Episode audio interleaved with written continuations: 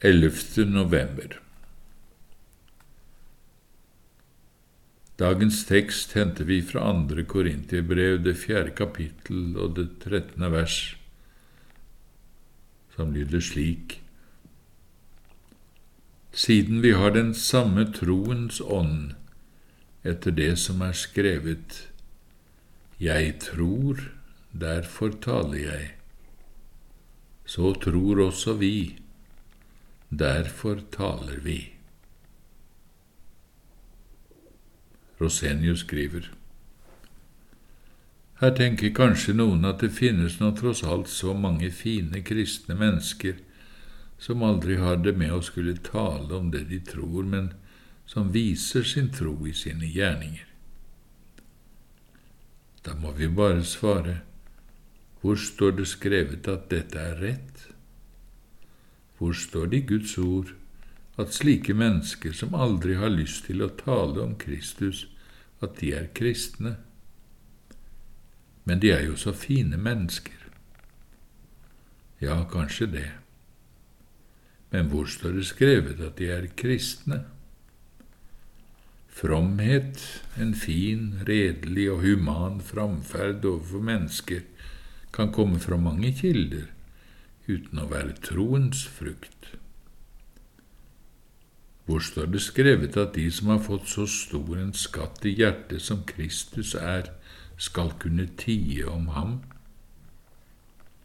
Med Skriftens ord og eksempler foran oss kan vi bare strekke oss så langt at enkelte nyfødte og særlig svake barn i nåden til en viss tid eller i visse tilstander kan være åndelig stumme men det har aldri vært Guds mening at de alltid skulle ha det slik. For en tid kunne Josef av Arimathea være en Jesu disippel i hemmelighet av frykt for jødene, og vi ser også at Nikodemus i en viss situasjon oppsøkte Jesus i skjul av nattemørket, men senere ser vi dem begge to tre åpent fram med sin bekjennelse. Noe ganske annet er det om vi i en svekket tilstand, av menneskefrykt eller kjødets treghet en gang iblant tier om Herren. Det kan mange gang skje med Guds barn, men det vil alltid bli forlatt når vi går til nådestolen med all vår synd og våre fall og ber om tilgivelse og ny kraft der. Noe helt annet er når vår tro og åndelighet er av en slik art at den aldri skaper noen indre lyst og trang til å bekjenne Jesus. Her må selvsagt Guds ord gjelde mer enn alle menneskers tanker og menneskers meninger. Og nå lærer altså Guds ord, som vi allerede har sett, for det første, at det ligger i selve vår nye natur at vi gjerne vil tale om det hjertet er opptatt med. For det andre at den sanne troen fyller hjertet med store himmelske skatter, og med iver og nidkjærhet for Herrens ære og for at sjeler må bli frelst, og at alt dette da også må komme til uttrykk i vår tale.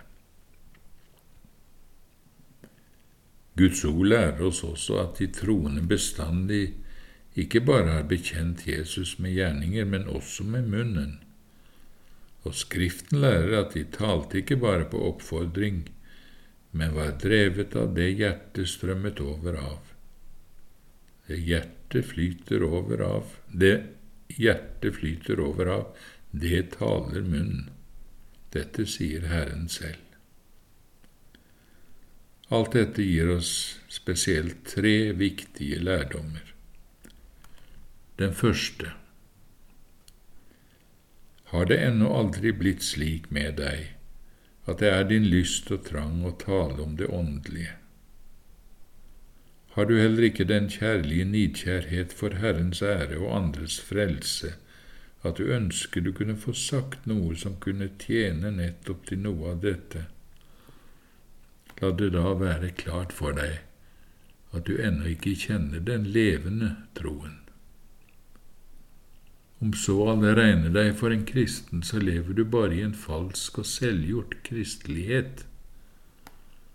Prøver du så å rette på saken ved å begynne å tale om Jesus, for liksom å ha det tegnet på den levende troen, da er dette bare et forsøk på å bedra deg selv.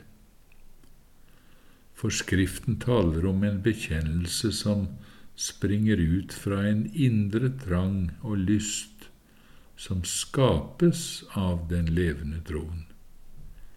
Ikke en bekjennelse som en må ta seg sammen for å få til. Nei, innse at du mangler selve kilden til bekjennelsen, den levende troen, og bær så denne nøden framfor Herren og gi deg ikke før du har fått en tro som selv skaper de virkningene du overalt i Skriften vil se, alltid har fulgt med den sanne troen. Den andre lærdommen gjelder deg som gjennom Guds store nåde har fått denne troen på Jesus. Det er blitt en glede for deg å tale om ham til alle du kjenner og å kunne vitne om ham til hans ære og til frelse for mennesker. Er dette din trang og lyst, selv om du også daglig knuses av all din skrøpelighet og forsømmelse nettopp i dette, og har du det slik at når du så fornyes og forfriskes i troen, så får du også en fornyet og forøket lyst og trang i bekjennelsen, da skal du vite at uansett alle dine fall, så vitner dette om at Herren bevarer deg i sin nåde og har skapt den troen i deg som vår tekst og hele Skriften vitner om. I ditt kjød og blod finnes aldri denne lysten til å tale om Jesus, denne inderlige trangen etter at mennesket må bli frelst og etter å opphøye Herren. Slik skal Guds verk kunne gjenkjennes på dets frukt, også frukt av lepper som bekjenner Hans navn. Og den tredje og siste lærdommen er denne.